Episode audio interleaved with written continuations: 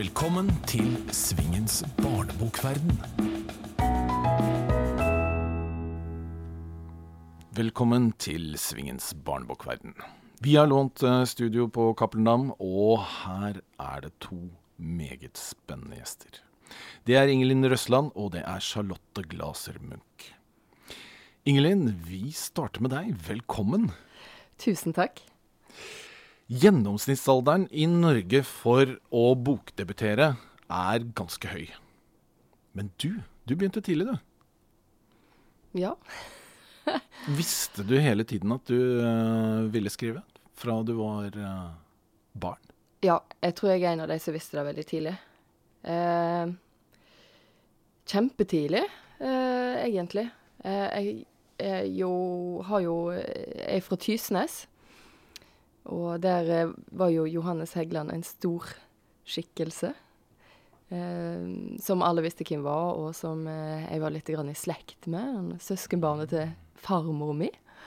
Eh, og så har jeg en onkel som er forfatter, eh, som heter Sigbjørn Heie, som skrev barnebøker, som var veldig aktiv, spesielt på 70-tallet og 80-tallet, med å skrive massevis av barnebøker og ungdomsbøker. Spesielt litt lettleste. Eh, Samlaget hadde en serie som het Sirius, som var litt sånne spenningsbøker. og ja. Så var han, skrev han under et pseudonym, eh, John Donner, sammen med noen andre. og ja, så, så forfatter det var et yrke som var mulig å ha, og jeg visste jo at hvis en tjente litt penger på bøkene, så kunne en ha råd til kanskje en ny sofa og sånn. Så, så hadde jeg tenkt å bli lærer hvis jeg å være forfatter. Men det var da du var barn, for, for Ja. etter hvert fant du vel ut at du kanskje skulle bli skuespiller? da? Ja, det er kanskje fordi jeg har hatt lyst til å gjøre sånne ting der det er vanskelig å komme inn, og vanskelig å få til. Um, så det var på en måte et sånt uh, sidespor, men det var fordi jeg likte å spille teater, og likte å stå på scenen og likte oppmerksomhet, og ja, sånt. Mm. Men så ble det jo altså bøker. Ja. Og nå har det jo etter hvert blitt en god del bøker. Mm. Vil, kan du si at det finnes noen som helst fellesnevner ved bøkene dine? At er et eller annet man kan trekke ut? Ja ehm, Alle mine bøker handler sånn dypere sett om hvor langt er du villig til å gå for å bli elska.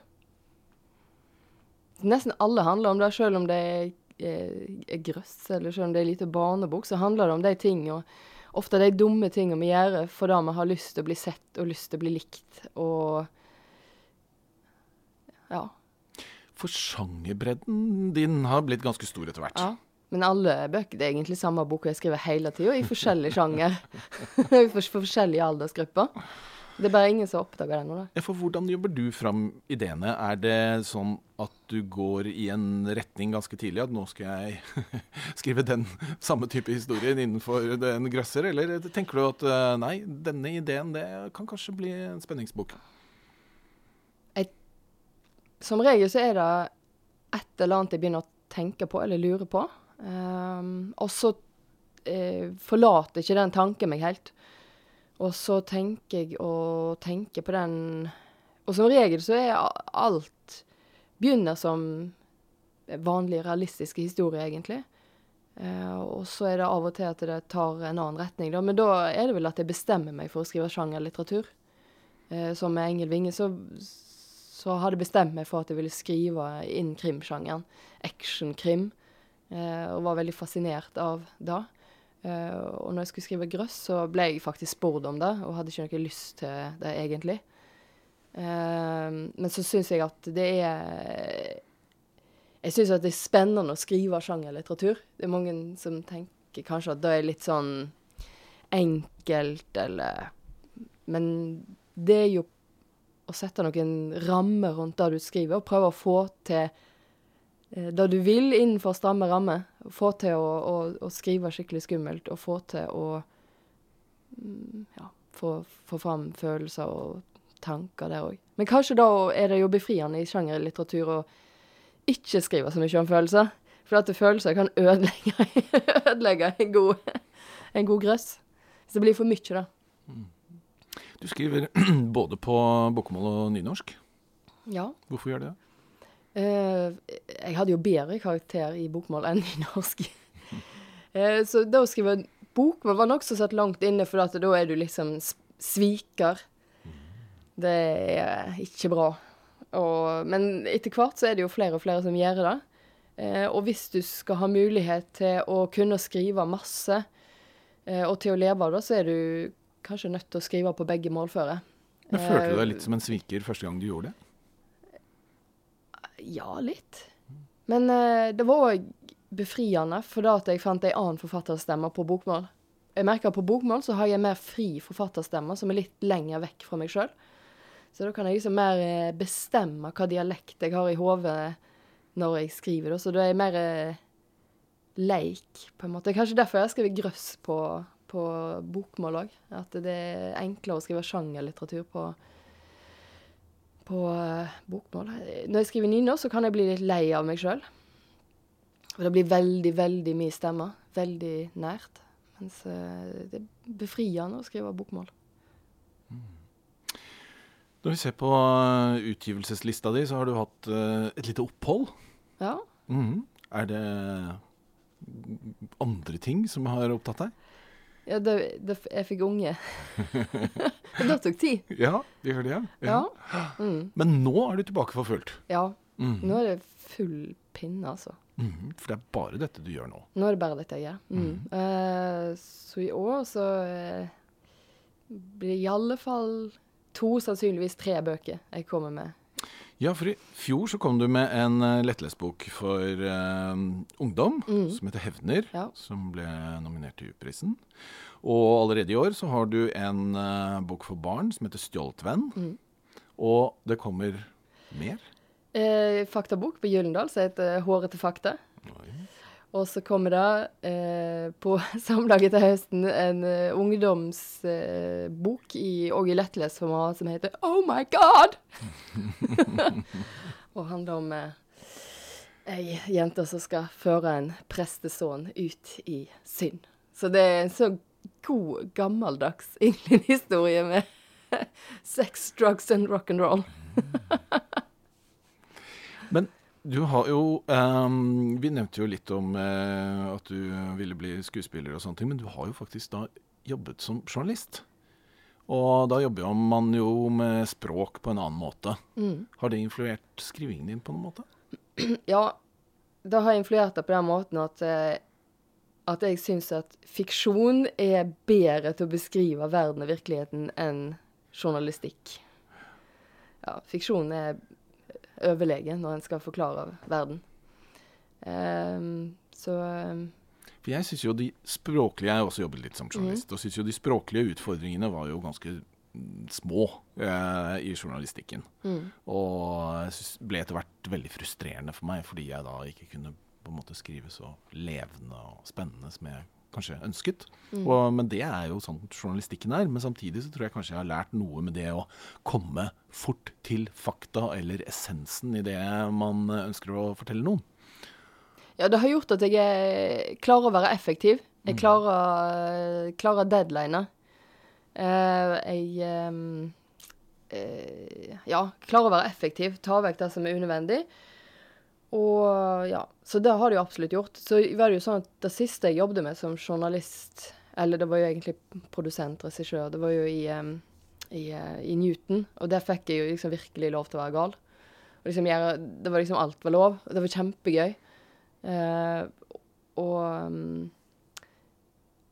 Og det er kanskje derfor jeg av og til har litt, litt, litt lyst til å skrive fakta. For da jeg lengter tilbake igjen til, til Newton spesielt. Så hårete fakta kommer ut ifra liksom et sånt NRK-savn. Savner gode, gamle NRK for å skrive om ja, fakta. Og egentlig da naturvitenskap, eller biologi, da. Med hår. Men så har du også da eh, Engletrilogien, mm. eller Engelvinge. Engel Mm. Eh, som ble tre bøker. Ja. Uh, er det noe som ga mersmak? Det der å på en måte fortsette karakterer over flere historier? Ja. Uh, jeg tror nok at jeg kommer til å gjøre det igjen. Det var veldig gøy. Det var veldig slitende slit... på en måte, for jeg hadde ikke planlagt godt nok. Så gjør jeg det en gang til, så skal jeg planlegge mye mer Skal jeg planlegge bedre. Eh, det, var, det, var, gøy å skrive krim. Krim er veldig gøy å skrive. Eh, samtidig som eh, det handler like mye om, om Engel Vinge sitt, sitt eh, liv, hennes indre liv. Så det var jo et prosjekt som hadde der jeg tenkte på flere ting. Da. Det var på mange måter mitt store sånn feministiske prosjekt. Eh, det å skrive om eh, Det å skrive om jenter på en måte som Eller skape en kvinnelig karakter som er kjempefornøyd med seg sjøl. Som aldri tenker på at uh, en kilo for mye, eller at uh, hun ser teit ut på håret eller ikke har sminka seg. Hun, er, hun, står opp om morgenen, hun syns hun er dritdeilig hver morgen. Hun er liksom på topp av verden. Hun er liksom høy på seg sjøl. Og da å kunne skrive en sånn karakter uten å stille spørsmål med hva hun gjør, eh, det var veldig deilig. Veldig befriende. Og da at det hele tida skulle være liksom Dette var jo, det kan jeg ta opp i anekdotedelen, kanskje. Det er dette her med eh, hvordan hun forholder seg til seksualitet òg. For det handler om at hun får sex, og tar sex. Det er ikke sånn at, at noen gjør noe mot henne som hun ikke vil. Hun er liksom alltid på topp av situasjonen. Det er liksom alltid hun som har full kontroll. Eh, og det er jo sikkert det er jo kjempeurealistisk, egentlig, i den alderen. Men jeg tenker av og til så må en kunne lese om de tingene om sånn, sånn, som det skulle ha vært. Eh, I stedet for å bare skrive sånn 'Å nei, nå, nå, er det feil, og det er kjempeproblematisk', og, og, og, og Det er jo veldig tragisk Ja, men altså det er veldig mye som er vondt, og veldig mye som kan gå feil med sex. Men jeg hadde lyst til å skrive om det som liksom, At det kan være bra, at det går an å ta for seg. Og det var kult å skrive om Engel på den måten. Og det er nok ikke siste gangen jeg skriver om sånne kvinnelige karakterer, for det tror jeg trengs. Og så skrive om det der. Nei, men det er ikke noe å eh, sutre over, eller være sånn her Alt er liksom så problematisk og Ja. Mm. Men én ting er sex. Du prater jo også en del da og nå om krim og spenning og grøss og sånn. Men uh, da du kom med 'Kunsten å inhalere' i 2001, mm. så var vel mitt inntrykk at det var ikke noe du snakket så mye om den gang. Du, er det riktig å anta at du på en måte har forandret litt, deg litt i forhold til eh, sjangere og interessefelt i for, eh, hva du vil skrive? Ja, i utgangspunktet så, så, var jeg jo på den at jeg skrev den realistiske ungdomsromanen. Det var jo på en måte det som var mitt eh, Det var sånn jeg begynte å skrive. Eh, og det er jo fordi jeg var så ung når jeg debuterte, og så ung når jeg begynte å skrive, skrive den eh, eh debutromanen. Da var jeg vel 20, kanskje. Jeg holdt på med den i to år. Um, ja, da var det på en måte Det var liksom det eneste jeg visste om, på en måte. Det var det eneste jeg kunne. Det var det Jeg kunne veldig lite om skriving, veldig lite om Jeg hadde egentlig bare lest masse. Eh, jeg, hadde, jeg, hadde liksom, jeg, var liksom i nærheten av Skrivekunstakademiet, fordi jeg gikk på Bergen teaterskole, og Skrivekunstakademi er jo der. Så iblant så så jeg på de og så bare Jeg tror jeg skal debutere før dere. Suckers. sånn, altså, dere er så pretto. Som om jeg var mindre pretto mens jeg gikk på, på teaterskolen. Sikkert mer. Um, men uh, ja, det var på en måte Det var det jeg uh, Ja, jeg visste ikke noe annet. Jeg kunne ikke noe annet. Uh, det var de historiene jeg hadde, som handla om Eh, som handler om ungdomstid, som handler om uh, brytningstid, som handler om da å ha lyst til å være en annen person, lyst til å være på en annen plass. Uh, forelskelse. Uh, ja. Mm. Vi skal komme litt tilbake til når vi får inn Charlotte her nå etterpå, det å se eh, norske litteraturen litt utenifra. Mm. Fordi dere bor jo begge i Stockholm. Men hvis du nå skal dra fram én ting som eh, er på en måte fint med å være forfatter eh, i Norge, og en ting som ikke er så bra her, hva, hva ville det vært? Hva som er fint med å være forfatter i Norge? Mm -hmm. Det at det er mulig, og da at eh, det faktisk er mulig å gjøre feil i Norge. Altså det er mulig å bomme på ei bok. du det er liksom ikke game over med en gang. Eh, sånn sett er jo den svenske bokbransjen mye mer nådeløs. Og det gjør nok at vi har en mer rufsete litteratur i Norge. At vi tør mer. Eh, det, det, tror jeg er kjempeviktig. Og det er på en måte det aller fineste. Eh, og så selvfølgelig alle bra kollegaer. Det, å være med i NBU, et sånt fellesskap f.eks., det er ekstremt viktig. Og noe som eventuelt ikke fungerer så bra? ah, eh, veldig vanskelig. Mm. Eh, jeg vet ikke om noe som ikke fungerer så bra. Jeg, jeg syns alt fungerer bra for meg. Men det kanskje ikke fungerer så bra for andre. Jeg har bedt deg om en liten forfatteranekdote. Har du en? Ja! Nå kom jeg på en. og det er jo Når jeg skrev eh, Flyt, som er bok eh, Det var òg liksom en liten bokserie da, om Anette som eh, Den kom i 2002? Den kom i 2002. Mm -hmm. eh, og da eh, var eh, da, da, fikk jeg min første og eneste liksom skikkelige slakt av Kristenavis og Dagen. Så syns jeg dette var det verste de noensinne hadde lest. Noensinne hadde lest. Det var, denne boka er totalt uegnet for både barn, ungdom, voksne. Språket vulgært, handlingen det er forferdelig. Og det de syntes det verste av alt, det var at ei jente på 16 år kunne ha sex med kjæresten sin uten å være forelska i han, og dumpe han rett etterpå og ikke ha noe dårlig samvittighet. Det var helt usannsynlig. Uh, ja, så um, det er ikke alle som syns at en skal ta for seg som jente. En skal helst uh... Kjente jeg at jeg ble litt misunnelig, for jeg har aldri fått slakt i den kristne avisa Dagen. Ja, Det var fantastisk. Det, det, det er den beste anmeldelsen jeg noensinne har fått. Jeg er så glad og stolt over den. Men følte du også da at nå har jeg gjort noe riktig? Ja. Men hadde den samme slakten vært i en av de store dagsavisene, hadde det da, da hadde det føltes annerledes? Ja, hvis det hadde vært slakt Hvis de hadde slakta meg på akkurat det samme, så hadde det vært greit. Mm. For det var på en måte Det var greit å bli slakta på det. For, da, for det første så var det sånn at jeg hadde ikke skrevet det for å provosere i det hele tatt. Jeg hadde skrevet det fordi jeg syntes at det var sånn ting burde være. Eh, så det viste egentlig bare deres trangsyn. Og at det er viktig å skrive sånne ting som folk blir opprørt av. Men du er ikke redd for å provosere, er du det? Eh, med bøkene? Nei, jeg er ikke det. Men det er ikke noe som jeg prøver på, så jeg blir på en måte veldig forbausa når jeg gjør det. For da at akkurat når jeg sitter og skriver, så tenker jeg sånn Ja, men sånn skal det jo være. Dette, dette, dette er morsomt. Dette var, dette var, gøy å skrive. Sånn skulle jeg ønske det var. Dette blir kult. Og så, eh, når folk har blitt provosert, så har jeg blitt eh, litt sånn forbausa over det. Og, eh, og det er jo stort, det er stort sett det er stort sett da folk blir opprørt over. Det er sånne, sånne ting som har med sex å gjøre. Mens alt det andre da går, glir fint igjen. Sånn slakting med kniv, mord, splash, bløtt.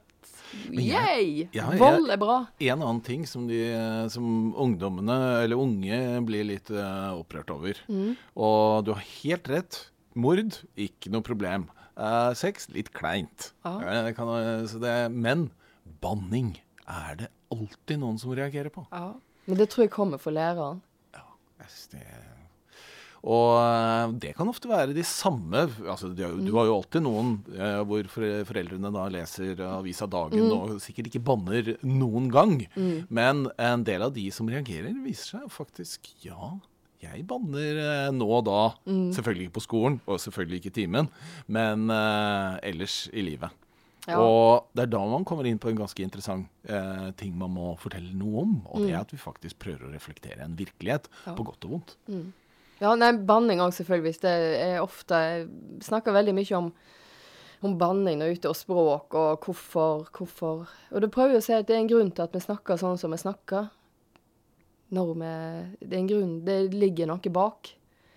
Uh, og når en liksom snakker om alle de tingene som ligger bak, og hvorfor vi snakker sånn som vi snakker, og hvorfor vi framstår som vi framstår, så blir det veldig interessante diskusjoner. Og jeg har jo hatt en skoleklasse også som syntes det var så ukleint å snakke om sex. Det var faktisk i Grimstad.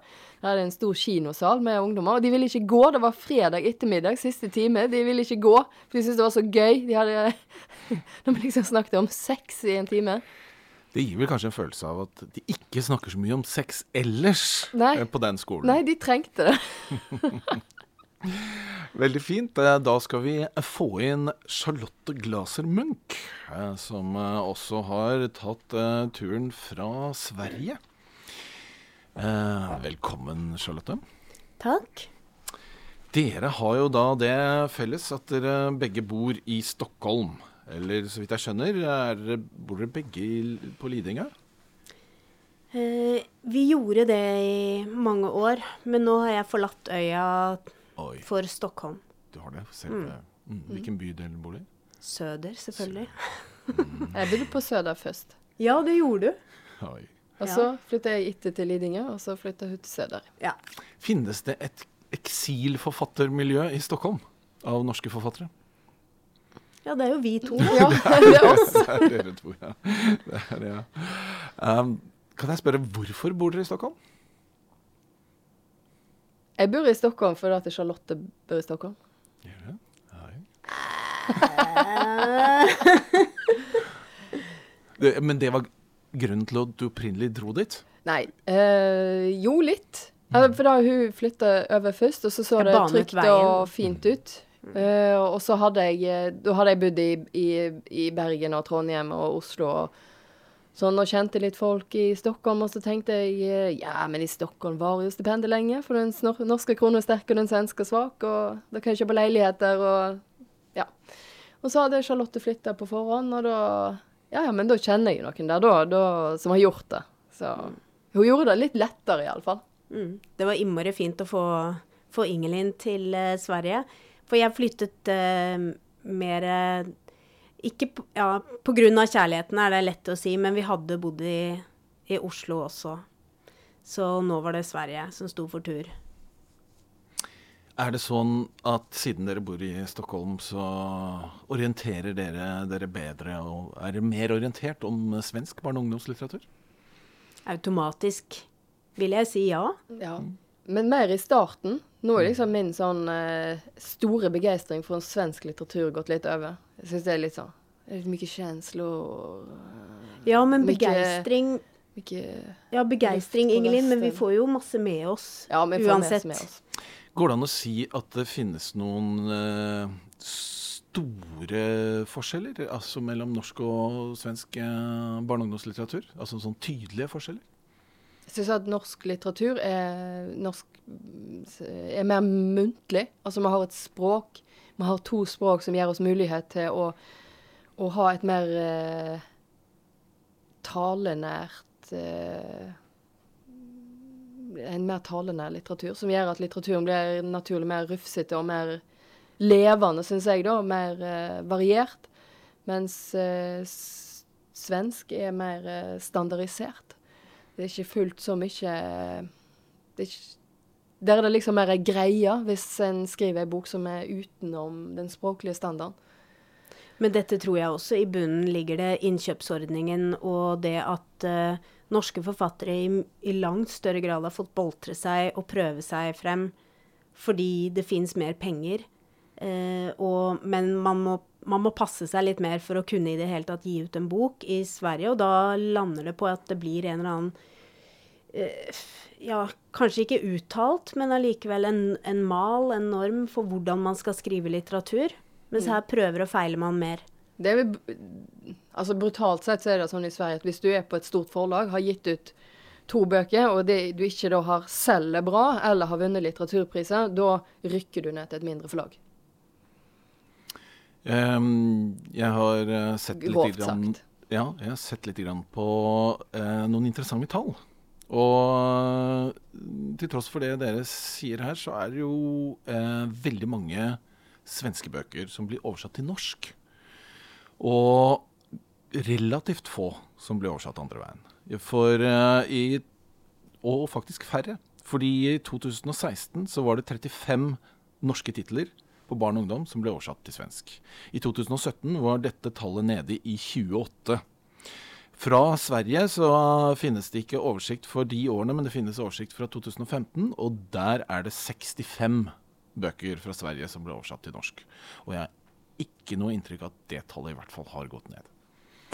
Hvorfor er det sånn? Det er bedre betalt å, å være oversetter i Norge enn i Sverige.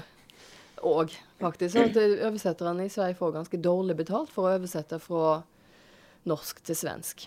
Og så er det jo De er mindre interessert i, uh, i norsk kultur, norsk litteratur, norsk musikk. Ja, vi er uinteressante.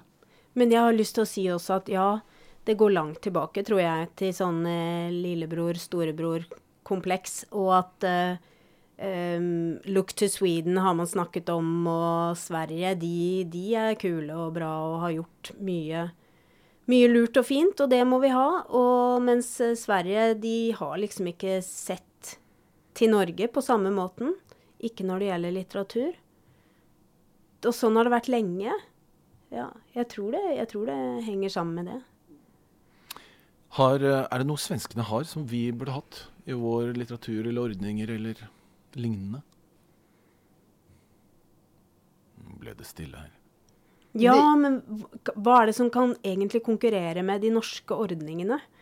Det, det skal godt gjøres at det fins bedre vilkår, selv om, selv om, vi norske forfattere kan jo alltid klage over at vi skulle hatt mer og vi skulle hatt bedre muligheter, og nå, det, nå skriver alle bøker og det er trangt, ikke sant, men, men, eh, men når, med en gang du kommer utenfor landegrensene, og da f.eks. Sverige, så, så, blir vi jo sett på med så stor misunnelse. Ja, ikke sjalu på de for noen ting. Hva Nei. med offentligheten rundt uh, barne- og ungdomsbøker? Uh, jeg er ikke en ekspert på dette, men jeg har jo et inntrykk at det skrives noe mer i aviser, og det er flere bloggere som omhandler barne- og ungdomslitteratur. Ja, det tror jeg det er. Det tror jeg det er. Um, det er et større land også, da. Så det er jo ikke sikkert at det, at det er så mye mer egentlig, når man tenker i forhold til Altså med tanke på hvor mange som bor i, i landet. Sammenlignet med her. De har kanskje klart å hype spesielt uh, denne young adult-litteraturen uh, mer enn i Norge. I Norge har vi vel egentlig nesten ingen young adult eller unge voksne eller crossover eller hva en skal kalle det. Det er veldig det er noe som vi mangler i Norge. Eh, det er nesten noe som er et risikoprosjekt å skrive i. Eh, mens i Sverige har de virkelig klart det. Å få det til å bli noe kult. Eh, og kanskje òg at de har klart å fått lesing til å være kulere for ungdom. Eh, det finnes en større sånn her skare av eh, intellektuell eh, ungdom enn i Norge. Nå skal dere nemlig ha spørsmål til hverandre. Skal vi begynne med ditt, Charlotte? Ja, takk. Mm -hmm.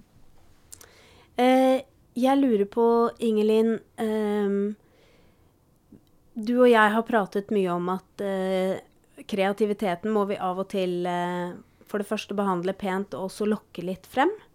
Ehm, tenker jeg også at det er for deg Har du, har du noen, noen triks, noen tips? til hva du gjør spesielt for å lokke frem forfatteren i deg, eller den kreative, lekne forfatteren når du skal skrive? Da går jeg helt i kjelleren. Og så sitter jeg og Så ser jeg bare masse TV-serier og masse film og gå på teater og lese masse bøker. Da var jeg bare og utstillinger. da, ja, det, det, kan gå kjempelang tid. Eh, men da jeg prøver Jeg jobber med det å akseptere at nå er jeg bare helt useless. Og så må jeg bare la meg få lov til å være useless. Eh, og hvis jeg lar meg være det, så kommer det mye fortere tilbake igjen. Mm. Men har du noen Men hvis jeg stresser, da går det dårlig. Hvis jeg prøver å presse. Ja. Se hva de andre har gjort. Ja. Men har du også noen sånne ritualer, jeg tenker daglig, sånn som nå, så vet jeg at du, du har skrevet veldig mye. Har du noe spesielt som, eh, som du trenger, som du må gjøre oh, ja, ja, ja. for å få det i gang, ja, liksom? Ja, jeg mediterer jo. Det gjør jeg jo. Eh, men det er som å pusse tennene, på en måte. Eh, mm. For det gjør jeg hver dag. Stort sett 45 eh, minutter. ja. Mm, det var Rune Belsvik som sa at jeg skulle gjøre det. Han sa Ingelin, Ingelin, du må begynne å meditere. Ellers så greier du ikke dette her livet. Veldig godt råd. Eh, beste råd jeg noensinne har fått, så da begynte jeg å meditere.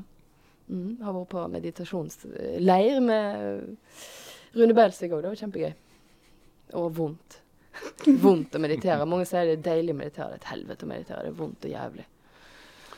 Skal vi ta ditt uh, spørsmål til Charlotte Ingelin? Mm. Eh, kunne du tenke deg å skrive sjangerlitteratur? Krim, grøss, fantasy. Og gå inn Gå bort fra realismen og inn i den fantastiske litteraturen. Uh, umiddelbart så vil jeg si et stort rungende nei. Men uh, samtidig så kjenner jeg at uh, alt er mulig. og jo jeg, jeg føler at jeg kan åpne opp for det. Men det er ikke det jeg umiddelbart tenker på å gjøre.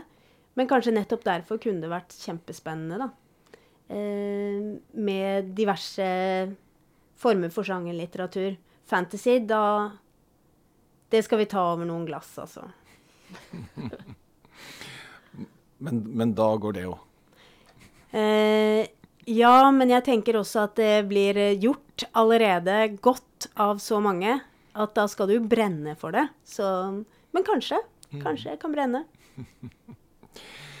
Ingelin, da skal vi si tusen takk til deg. Takk for at jeg fikk komme. Mm, så takk. Så skal du få lov å sette deg, og så skal vi konsentrere oss uh, helt om uh, deg, Charlotte. Jeg uh, Lytterne kan jo ikke se dette, men telefonen din ligger jo på bordet her. Og der er det um, Bakpå den så er det en eh, mann som heter Edvard til fornavn og har samme etternavn som deg. Er dere i familie? Ja. Mm -hmm. Vi er eh, ikke så mye familie som uh, Munch-Ellingsen-slekten. Men uh, det handler om en fetter til uh, tippoldefaren min. Mm -hmm. Det holder, det, å skryte av. Absolutt. Får du mm. ofte spørsmålet på skole, f.eks.? Ja. Mm Mm. Men ikke så mye spørsmål i Sverige, da. Nei. Da må jeg skryte først. Har svenske barn hørt om uh, maleren? Eh, ja, en del. Mm. Eh, ja, de må jo ha om det på skolen og sånn, så da etter hvert hører de om det. Mm. Jeg er besatt av å overhøre, har du sagt en gang. Kan mm. du uh, forklare det? Uh, ja, jeg er jo ikke um, Jeg er ikke så veldig morsom å gå på kafé med alltid. Jeg er nødt til å høre på hva alle andre snakker om. Uh, og, um, og, også høre på hva folk sier foran og bak meg på bussen og trikken. Dette tror jeg mange forfattere driver med. Det er kjempegøy. Mm. Men eh, gjør du det for å hente historier, eller er det karakterer, eller er det dialog som du får uh, ut av det? Det er nesten litt høna eller egget her. Men jeg tror uh, Jeg tror ofte at det er uh, Det er ikke for å hente. Det er at jeg blir Jeg blir hentet inn i noe, og så finner jeg Så kan jeg finne noe der som jeg bruker. Hender det at du f.eks. plasserer deg da litt strategisk på uh, tog eller en T-bane eller hva du nå, buss eller uh, kafé for den saks skyld, fordi du ser at de der har litt lyst til å høre på hva sier? Det kommer helt an på humøret, det tror jeg du vet selv. ja, men nå er det du som får spørsmålene. ja. Nei, men det kommer helt an på form og, og humør. Men det har, det har skjedd. Mm. Mm. Da du var uh, seks år, så fant du ut at du skulle bli forfatter. Ja. Hvordan visste du det? Uh, jeg, det vet jeg ikke. Jeg visste det bare. Det, det vet jeg ikke, altså. Men det var eh, omtrent samtidig med at du knakk eh, skrive- og lesekoden? Ja. ja. Så begynte du allerede den gang å skrive historier? Nei, jeg kan ikke huske at jeg gjorde det, men um, Nei, jeg skrev mest musikk i starten. Men, men jeg, jeg, jeg, kan ikke huske det. Men jeg husker at etter hvert så satt jeg mer og mer på rommet og, og skrev. Du skrev dagbøker? Eh, dagbøker har jeg skrevet eh, veldig mye, men jeg skrev også Ja, da kan vi snakke om sjangerlitteratur, fordi jeg var Jeg hadde en periode Jeg vet ikke hvor gammel man er, jeg var 10-12, et eller annet, hvor jeg syntes legeromanen var uhyre fascinerende. Da prøvde jeg å skrive sånne historier. Fordi at man skal jo begynne et sted, og man, eh, man kan lære noe av å kopiere. Er det en myte at det er veldig mye sex i legeromaner? Det, det er en myte. Det husker ikke jeg nå. Jeg husker at det var romantikk. Romantikk. Okay. Litt kyssing i hvert fall, det var det. Ja, skal du ha meg inn på et spor nå? Nei, da, eh, har du blitt influert av legeromanen i bøkene dine? ikke sant? Det var det jeg lurte på. Men hvordan kom du i gang som forfatter? Altså, Du debuterte i 2001 med 'Trylleslag'. Mm. Og da var det en sånn følelse at nå er jeg i gang? Eller eh, var det sånn åh, jeg har klart å få ut en bok? Ja, ja, det var det liksom? siste. Mm. Det var det siste. Men jeg hadde gått forfatterstudiet mange år før. Nesten ti, ja, ni år før. Eh, så jeg var jo inne på tanken. Eh, men så kjente jeg for det første at jeg måtte ut og lære mer og leve mer. Så jeg hadde noe ordentlig å fortelle om. Eh, og så brukte jeg også de årene frem til jeg debuterte i, som 29-åring. Så brukte jeg de, de årene på å prøve å få til noe annet som kunne være en sikrere type jobb, da. Fordi det var jo bare dumt å bli forfatter. Men det gikk ikke. Syns du fortsatt at det er eh, dumt å bli forfatter? Nei. Men vil du anbefale noen å bli det? Nei. Nei, men jeg vil jo anbefale hvis jeg skulle merke at det var eh, Nei, ikke bare hvis noen har lyst til å skrive, men hvis jeg kunne se noen teksteksempler. Så kunne, jeg, så kunne jeg si ja, men dette her må du, det må du kjøre på. Men eh, ellers så er det jo ganske tøft yrke. Har du noen spesielle arbeidsrutiner? Ehm, ja og nei. Det, det handler om perioder også, og hva jeg jobber med. Og når jeg ikke jobber, som er også store perioder, da, da holder jeg på litt sånn som Ingelin snakket om, og drukner meg i ting som ikke nødvendigvis er bra for meg, men kanskje det er en periode hvor man må både, både flate ut, men også hente inspirasjon fra mange andre, ofte merkelige steder. Um, så jeg har ikke noen sånn ordentlige rutiner. Og det syns jeg noen ganger er litt masete, at man blir spurt om Ikke du da, Arne, men at man blir spurt om Og dette må jo kreve så mye selvdisiplin, og hva gjør du for å Ja. Det, det er jo ikke en sånn type jobb, kjenner jeg. Men eh, når du på en måte Når ser du at eh, denne ideen kan bli til en eh, hel ungdomsroman, f.eks.? Uh, det ser jeg når jeg har skrevet Når jeg har skrevet kanskje en tredjedel av noe som jeg ser kan bli en historie. På tankeplanet så, så, så håper jeg at det kan bli en historie, men jeg er nødt til å, å kjenne det på arket først, da. Er det noen spesielle ting som du syns har forandret seg eller utviklet seg veldig gjennom de årene du har skrevet? For nå har du jo faktisk skrevet i ganske mange år. Ja.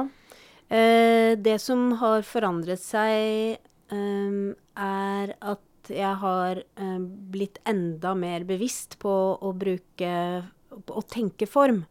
Og tenke dramaturgi. Men i og for seg så hadde jeg det med meg helt fra starten, for jeg prøvde i noen små år og uh, prøvde meg som manusforfatter, og da er jo dramaturgi uh, av Altså alt fra Ja, det rommer alt, da for i det hele tatt fortelle en historie. Så jeg har hatt det med meg. Men jeg har brukt det enda mer konkret og, og søkt forskjellige uh, impulser fra forskjellige steder også, ikke bare kjent på og brukt den, den greske dramaturgien. Du har jo også hatt eh, for så vidt flere samarbeidsprosjekter, men eh, skrevet en bok sammen med en dansk forfatter. Mhm. Og det er jo noe som gjøres forholdsvis sjelden i, i eh, Skandinavia. Selv om Ja. vi har språk som hvor vi faktisk forstår hverandre. Mhm. Uh, hva, hvordan skjedde dette? Det er jo da med en som heter Anja Hitz. Og uh, boka heter 'Sju døgn for oss' og kom i 2015. Mm. Uh, Anja og jeg har um, kjent hverandre siden vi begge prøvde oss som manusforfattere i Danmark. Jeg studerte der. og vi har fulgt hverandres forfatterkarrierer oppover, for vi ble forfattere i stedet, da, kan man si, begge to. Um, og så utviklet det seg, som det jo kan gjøre, at vi tenkte hvorfor, vi, hvorfor skriver vi ikke en bok sammen? Uh, og når det gjelder språket, så har vi jo Hun oversetter. Hun har oversatt eh, både mine og andres uh, bøker eh, fra norsk. Hun oversetter fra svensk også. Hun er veldig god på de skandinaviske språkene. Og jeg kan jo også mine skandinaviske språk, så vi det var liksom ikke Vi tenkte ikke på det som noe problem i det hele tatt, mer enn styrke.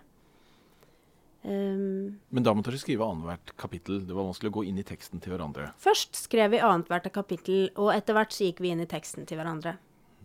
Mm, så gikk det helt uh, i hverandre. Det var kjempespennende, utrolig gøy. Uh, og et eller annet sted i starten så trodde jeg at det kom til å bli halvparten uh, så mye jobb. Men det ble dobbelt så mye da, selvfølgelig. Men det var jo også fordi vi avrundet med at, at jeg da oversatte det danske.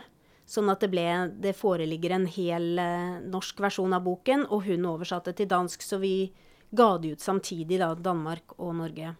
Ga det mersmak? Ja, det gjorde det. Uh, det gjorde det. Og vi, vi, vi tenker på å gjøre noe lignende igjen. Du har skrevet en god del ungdomsromaner. Hvorfor ungdomsroman? Eh, fordi at eh, da jeg var ungdom, så eh, fantes det kanskje én-to bøker som snakket til meg, som jeg eh, kjente jeg kunne få noe ut av. Eh, og resten passet ikke for meg, og dessuten så var det ikke noe særlig snakk om ungdomslitteratur på, på 80-tallet, blir det jo. Midten av 80-tallet. Så eh, jeg gikk ganske fort over til voksenlitteratur. Og det angrer jeg jo på, fordi det var så utrolig mye som gikk meg over hodet. Og det ble ofte tungt ikke sant, å lese 'Lillelord' eh, før tiden av Johan Borgen. Det, det er hardt.